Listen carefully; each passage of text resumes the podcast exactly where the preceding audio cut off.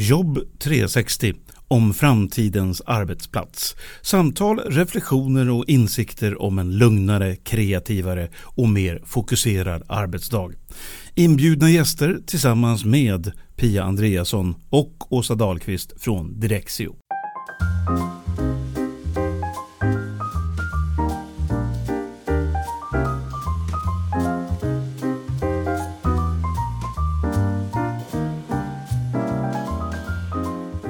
Åsa, ska vi snart ha vårt andra samtal via telefon.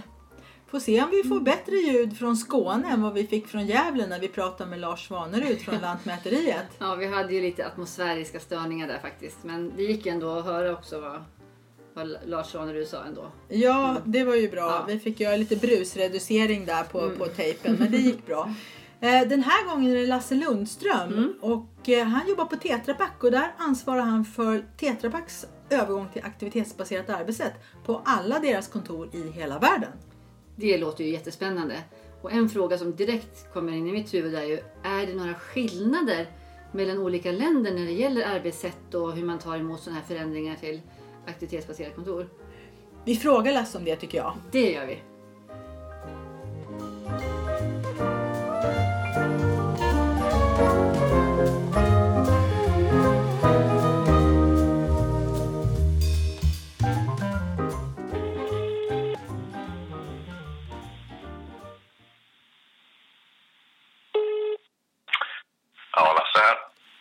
Hejsan Lasse, Pia Andreasson här ifrån Direxio och min kollega. Hej Pia. Hej, hej Åsa. Hej. Hej. Kan du prata idag? Ja, ni hör det. Jo, det är hyfsat. Jag har sjungit upp mig genom ett möte med Kina nu på morgonen. Ja, precis, med Kina. Och det är ju därför vi så gärna vill prata med dig om det här med kontorsprojekt och så. För att du jobbar ju väldigt mycket i globala projekt. Och hur, hur var det i Kina idag då, för att börja med det?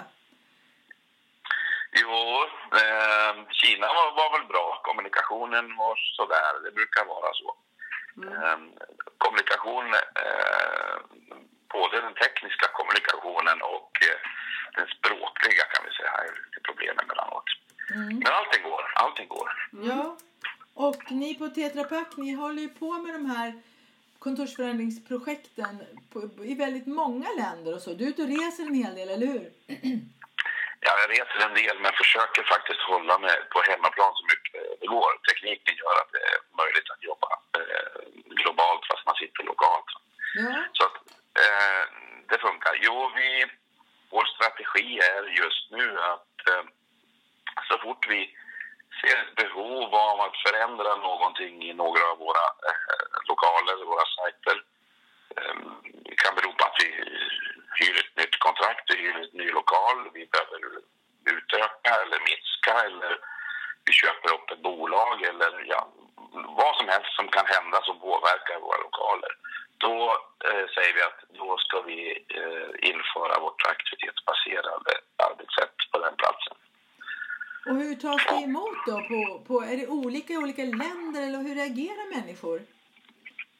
Ehm, ja, människor agerar och reagerar som människor gör i allmänhet när någonting nytt dyker upp. Så här.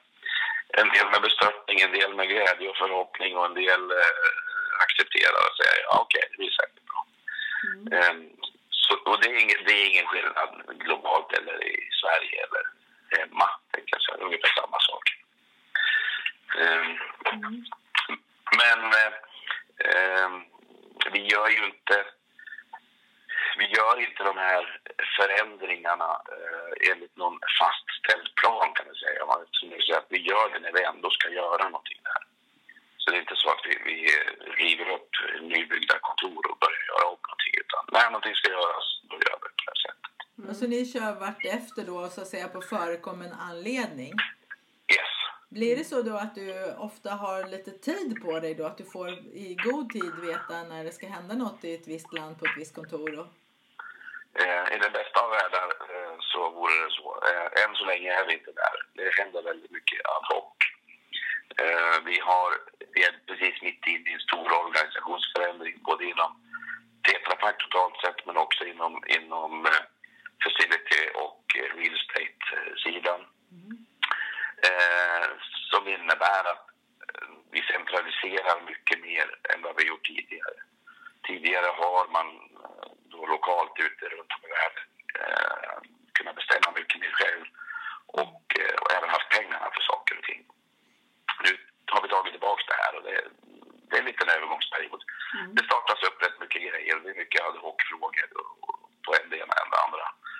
Eh, där man inte vet om att oj, vad fan håller vi på där också? Mm. Ja. Men kan man liksom ändå använda samma, vad ska man säga, process eller tillvägagångssätt när man gör de här förändringarna ja. i kontor?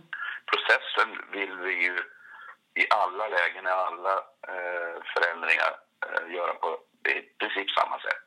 Så i vissa fall då när vi inte har hunnit eller fått reda på att någonting är på gång från början så, så får vi helt enkelt packa bandet med folk och säga eh, stopp, eh, vi börjar om här nu igen. Mm. Och, och gör det på det sätt som vi vill göra det på. Vad har ni för steg då som, vi, som ni går igenom? Huvudmomenten? Ja, stegen är väl ganska lik eh, alla andra, eh, hur alla andra jobbar med sånt här, inklusive förändringsprojekt. Men i första läget, för oss handlar det mycket globalt om att vi, vi, vi växer ju fortfarande i vissa marknader ordentligt och vi behöver skaffa nya lokaler. Så vad vi gör är att göra behovsanalyser över en tre eller fem års sikt framåt. Hur många människor kommer vi vara på den här sajten? Eh, vilken typ av människor eh, kommer vi att ha där? För att överhuvudtaget komma fram till hur många kvadratmeter lokal behöver vi ha. Eh, det är väl liksom första steget. Sen sätter vi en mäklare på att börja leta lokal, lämpliga lokaler. Eh, när vi har ett par alternativ på det så, utvärderar vi och beslutar oss för ett par stycken då, som vi går vidare med. Vad vi gör sen är att då gör vi de så viktiga analyserna vi, när vi kollar på eh, beläggning, hur man utnyttjar eh, arbetsplatser och kontor eh, för tillfället. Vilken typ av aktiviteter utför man, alltså aktivitetsanalyser. Mm. Tittar på fokus och behov. Eh, mobilitet. Eh, vi jobbar ju med eh, service väldigt mycket, alltså teknisk service. Mm. Det innebär att vi har väldigt många som vi kallar field service engineers eh, som jobbar ute hos kund. Mm. Eh, och med, fortfarande är allokerade till ett kontor någonstans. Men mm. de behöver inte så mycket kontorsyta för de är kanske där tre timmar i månaden. Eller sånt.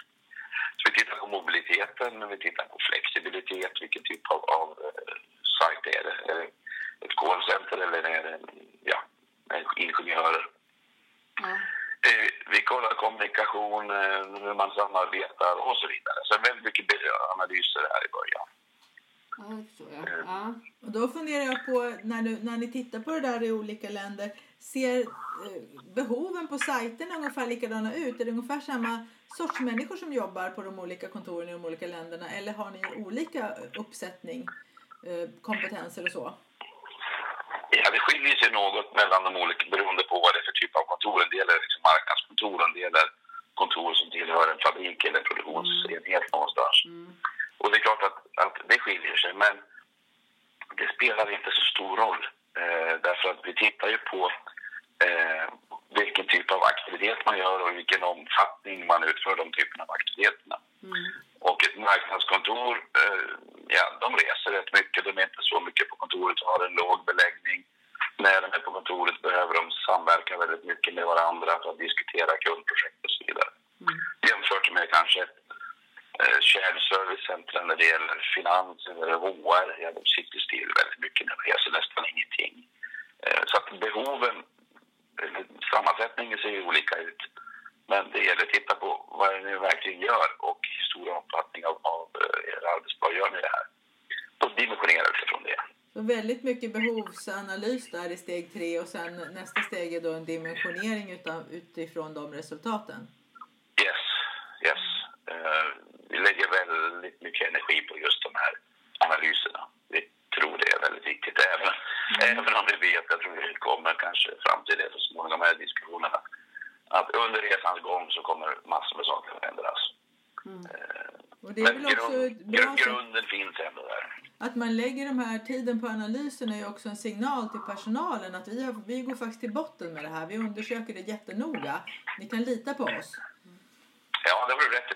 Det är också ett sätt om man nu ska kalla det för att sälja in någonting, men åtminstone göra det trovärdigare än vad det kanske kan vara i vissa andra sammanhang. Mm. Det, det är faktiskt, det finns lite, eh, det finns bakomliggande fakta. Vi har gjort väldigt, väldigt mycket studier.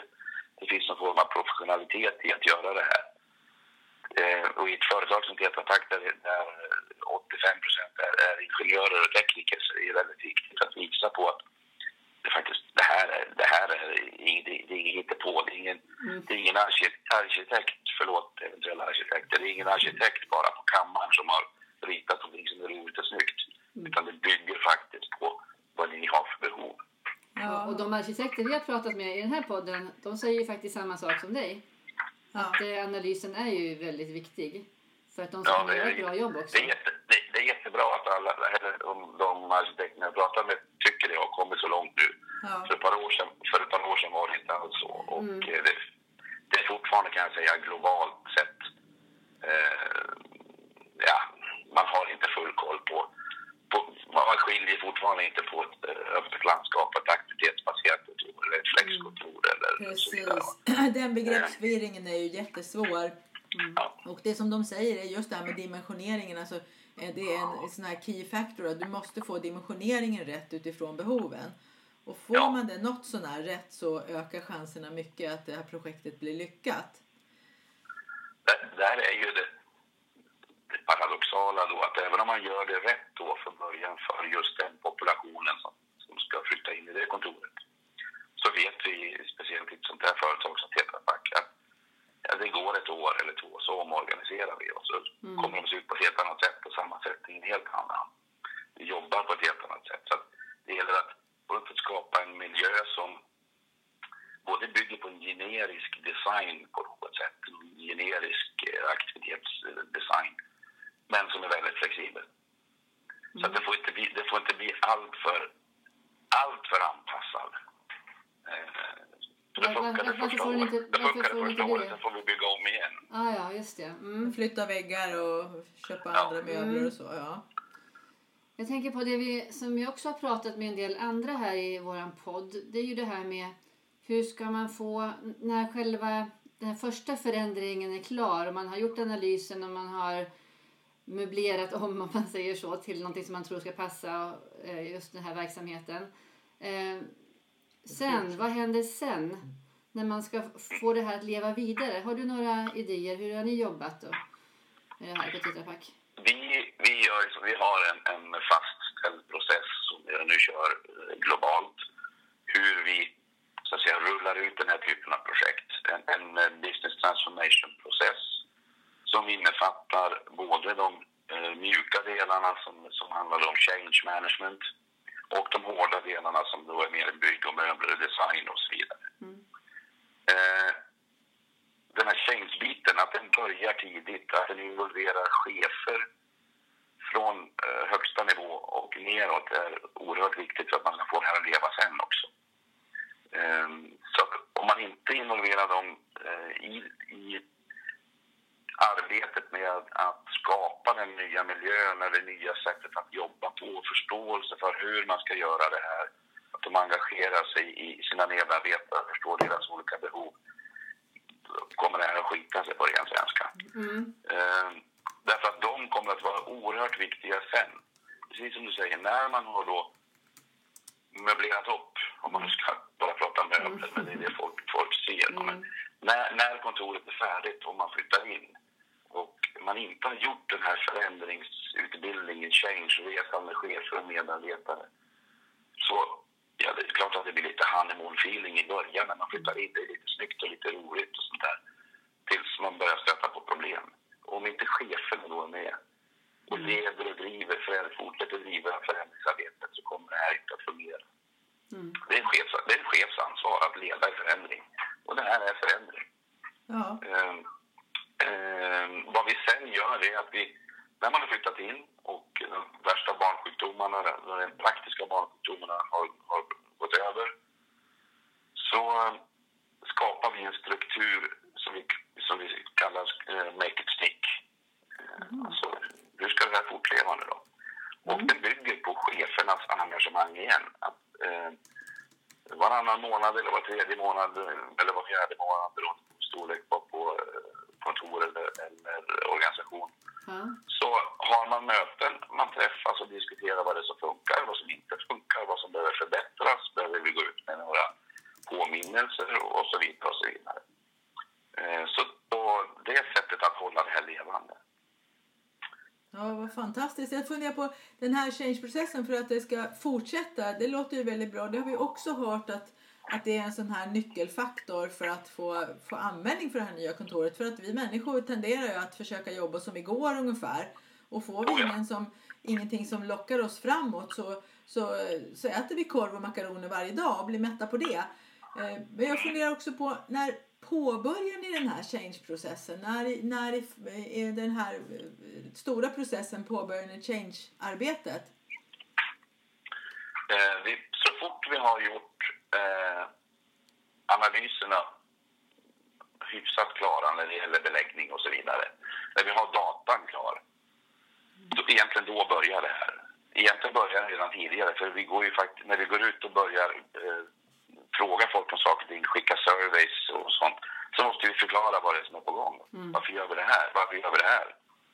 Och egentligen så börjar change-processen redan då. Eh, att förklara eh, på ett vettigt sätt varför vi gör det här, vad, vi, vad som kommer att ske i framtiden, eh, varför Tetra Pak ser ett behov av att jobba på ett annat sätt och så vidare. Så den börjar ju redan dag ett nästan. Jag tänker på det här med just sådana här saker som eh, att titta på hur arbetsplatsen, arbetsplats och arbetssätt och så vidare. Det kan ju egentligen beröra ganska många olika traditionella avdelningar i ett företag. Som HR till exempel. IT blir kanske involverade, hur man nu ska jobba.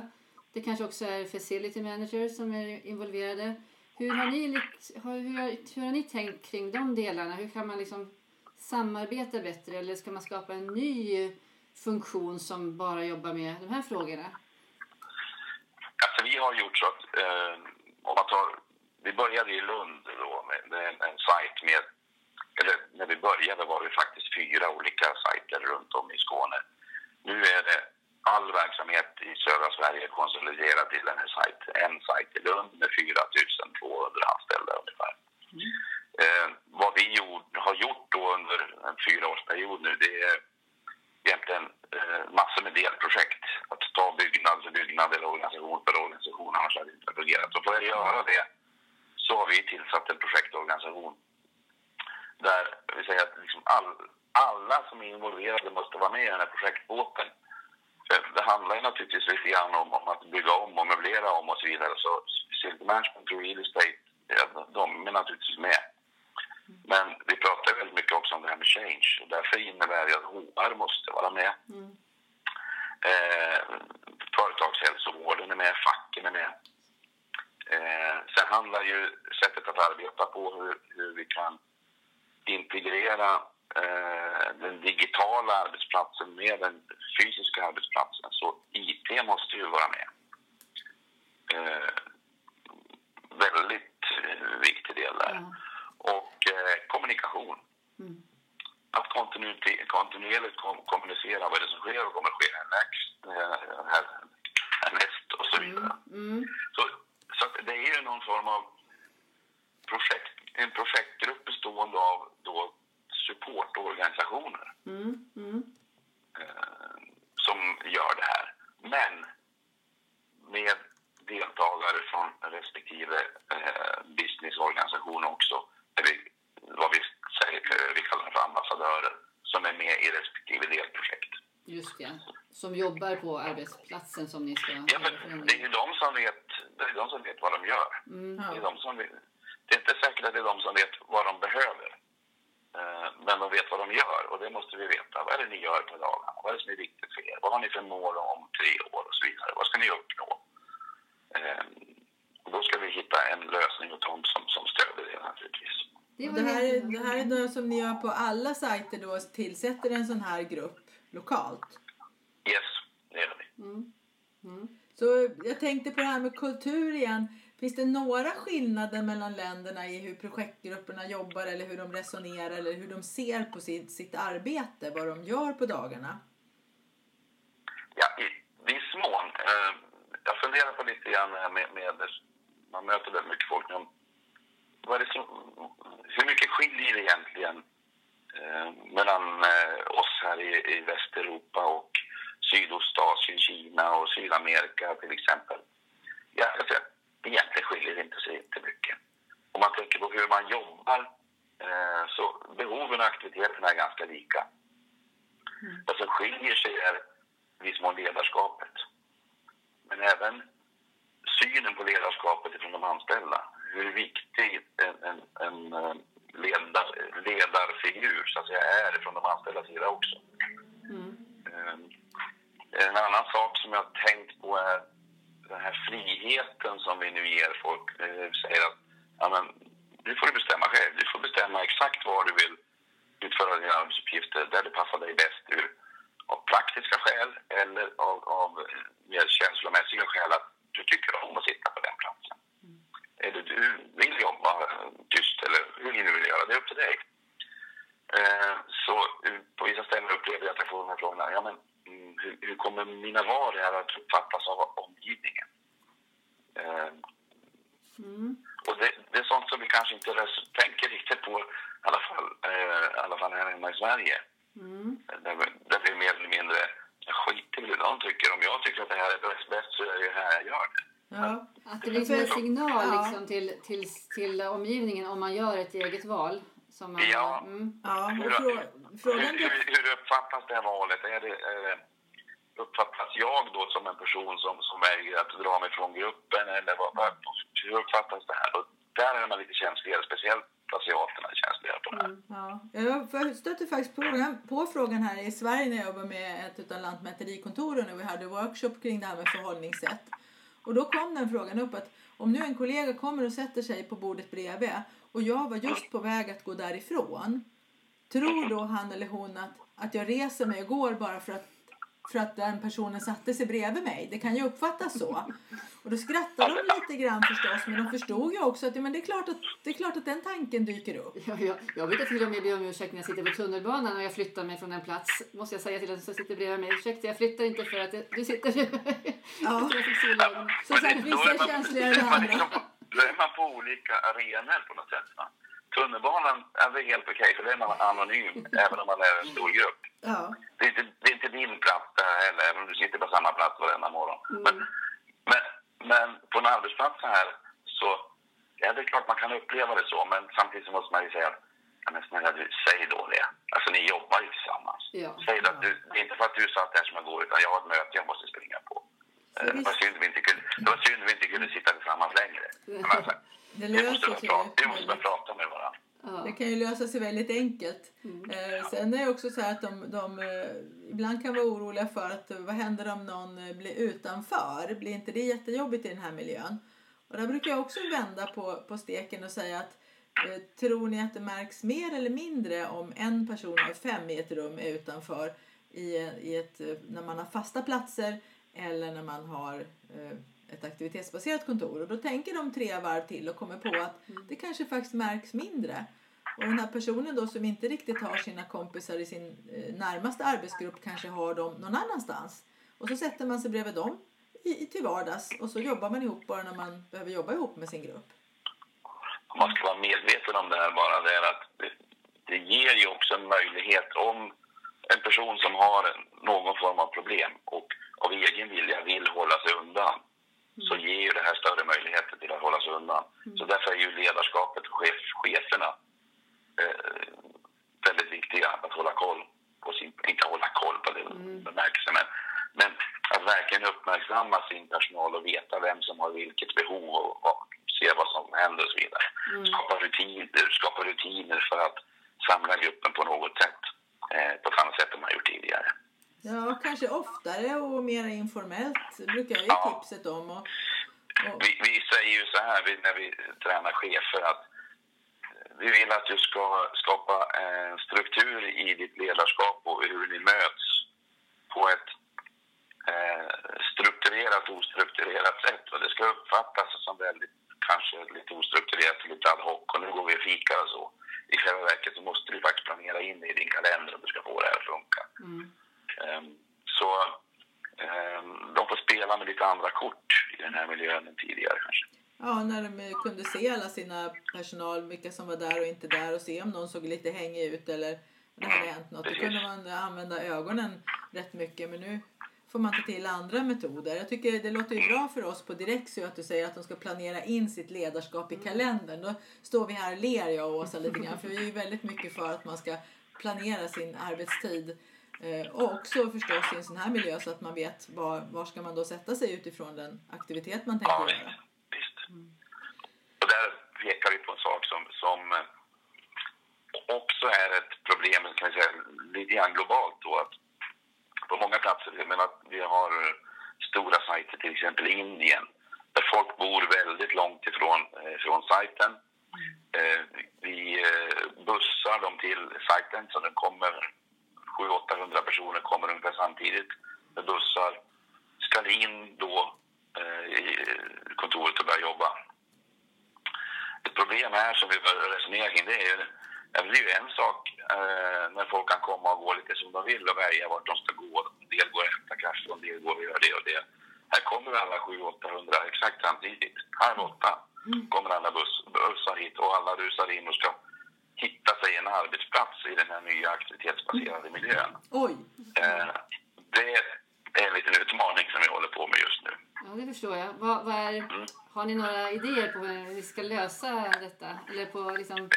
Nej, vad, vi, vad vi gör är ju, eh, för det här är också väldigt mycket olika typer av avdelningar på den här sajten. Det är både produktion och eh, ingenjörer, men det är IT och det är support och lite av varje.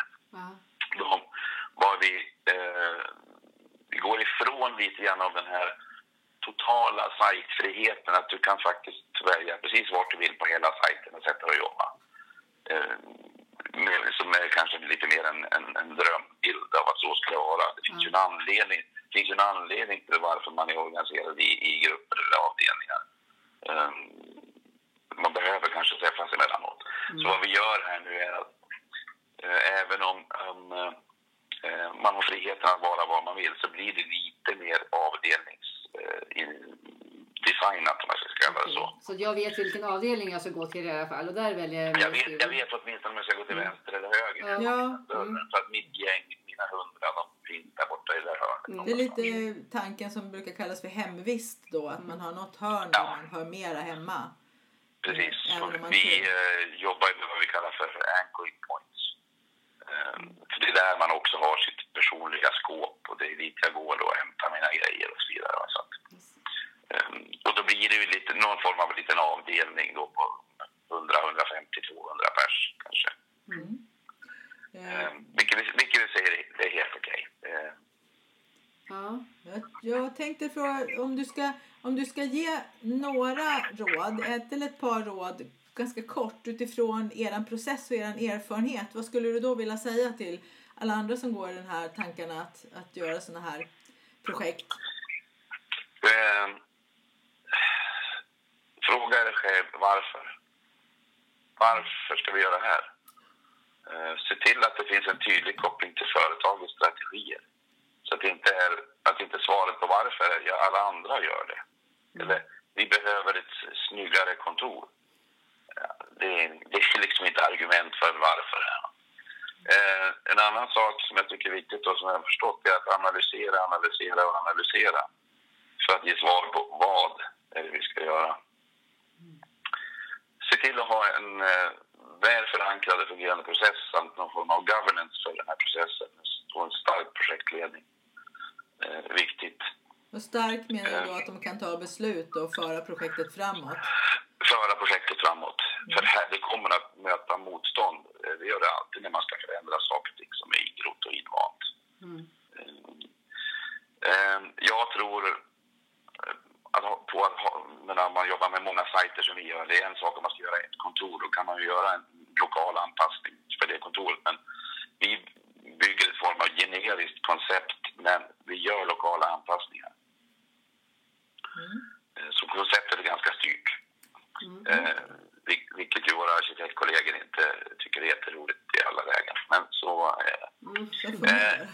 in, involvera de högsta cheferna väldigt tidigt. Och då menar jag de högsta cheferna. Här, handlar om, här handlar det om att från och med dag ett och eh, framåt så länge du är kvar chef på den platsen att walk the talk. Walk the talk, ja. Det är, det är ett begrepp som jag har hört några gånger. Det är verkligen superviktigt. Ja, men det är jätteviktigt. Här? Ehm, och låt de här cheferna utse ambassadörerna, men se gärna till att de här ambassadörerna också är chefer.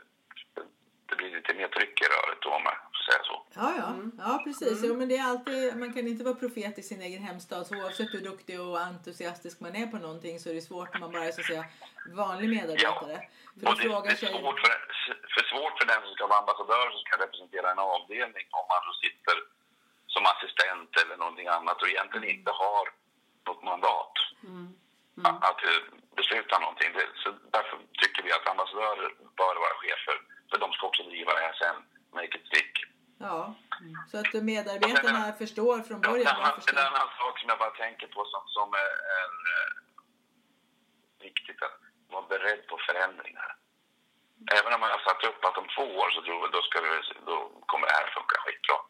Var beredd på organisationsförändringar, vad som helst. Förändringar i omgivningen, nya arbetssätt. Det kommer nya agila arbetssätt med, med Scrum-projektgrupper och en det ena och en det andra som har andra behov. Därför jag säger den här generiska lösningen med lokal och flexibel anpassning är eh, viktig men ack så svår att eh, komma fram till. Att man förändrar för att kunna möta förändringar. Det är lite det det handlar om. Ja, eh, och mest att man har en, en beredskap för. Så att man inte låser in sig i en alltför fyrkantig låda. Eh, för då kommer man att få det väldigt svårt. För då kommer man att hamna i en diskussion när man mer står och försvarar den här lådan som man har byggt. Ja, ja. Som man, istället för att fundera på, vänta nu, för fan den här lådan tillför ju inte, det här högra hörnet uppe i lådan tillför ju faktiskt ingenting i den nya organisationen. Vi- Vi kanske måste göra någonting nytt där uppe. Va? Så att, mm, försök vara lite mjuk i hörnen. Ja, så det, det gäller alltså att, då måste man ju också på något sätt försöka eh, få eh, medarbetare och chefer att eh, ha de förväntningarna på det här projektet så man inte har förväntningarna att nu blir det en förändring som ska vara klar då och då kan vi göra någonting annat. Nej, Och den kommunikationen som jag menar måste man börja med tidigt. Att Vad vi gör nu, nu möjliggör vi för er att börja jobba på ett annat sätt. Kalla det aktivitetsbaserat eller kalla det vad som helst. Men vi gör det möjligt att börja jobba på ett annat sätt. Men det är inte vi i projektet som ska jobba på ett annat sätt, det är ni. Ja. Det är lite som att man är en personlig tränare där. Det är ju inte den som ska göra jobbet utan det är ju, det är ju den- som är tränad. Exakt. Den som tränas. Ja. Eh, Ja, vi, snart ska vi tacka dig här Ja. Lars för det här superintressanta samtalet verkligen och alla jättebra guidelines som vi har fått. Jag tänkte bara fråga dig på slutet, känner du till några fler globala företag som gör sådana här projekt? Jag känner till att Axo Nobel håller på. Men vet du någon mer? Har du någon kollega? Eh, vad jag vet håller ju Volvo AB på med ett eh, väl genomarbetat koncept. Eh, huruvida det rullas ut globalt just nu, det vet jag inte. Men man har satt en jäkla fin plattform där i alla fall. Alltså det är Volvo lastvagnar då. Eh, ABB vet jag också håller på med ett koncept. Huruvida det eh, är i färd med globalt vågar jag inte heller säga. Eh, Lego, eh, jag menar i Skåne i Danmark väldigt nära. Så, att det, så Lego känns som, som eh, här nere. Eh, Lego har ett globalt koncept som de kör ut. Eh, som är jätteintressant. Ja, de, har ju, Eh, Men det det, deras det är till och kan med lite... på just nu. Ja, precis. Ja, spännande med Lego. Deras produkt är ju till och med så här att man ska ju bygga om och, ändra. förändra. Ja, visst. Hela tiden. Precis. Men då tack, tack Lars och, och vad bra att din röst höll här nu för det här pratet. Ja. Vi var inte riktigt säkra på det men tack för att du har satsat din hals här idag för oss. Ja, det gick bra. Det var en kopp te med honung samtidigt så funkar det. Ja visst. Fantastiskt. Då får vi hoppas att vi kan höras vidare i framtiden. Du får ha det så bra. Detsamma. Tack ska ni ha. Tack ska du ha. Hej. Hej då. Hej.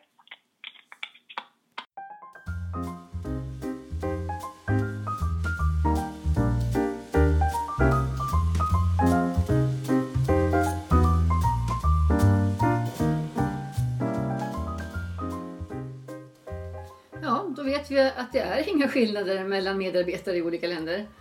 Nej, inga stora Nej. skillnader i alla fall. Det är ju så att alla reagerar olika på förändringar och på gruppnivå då så ser det ungefär likadant ut.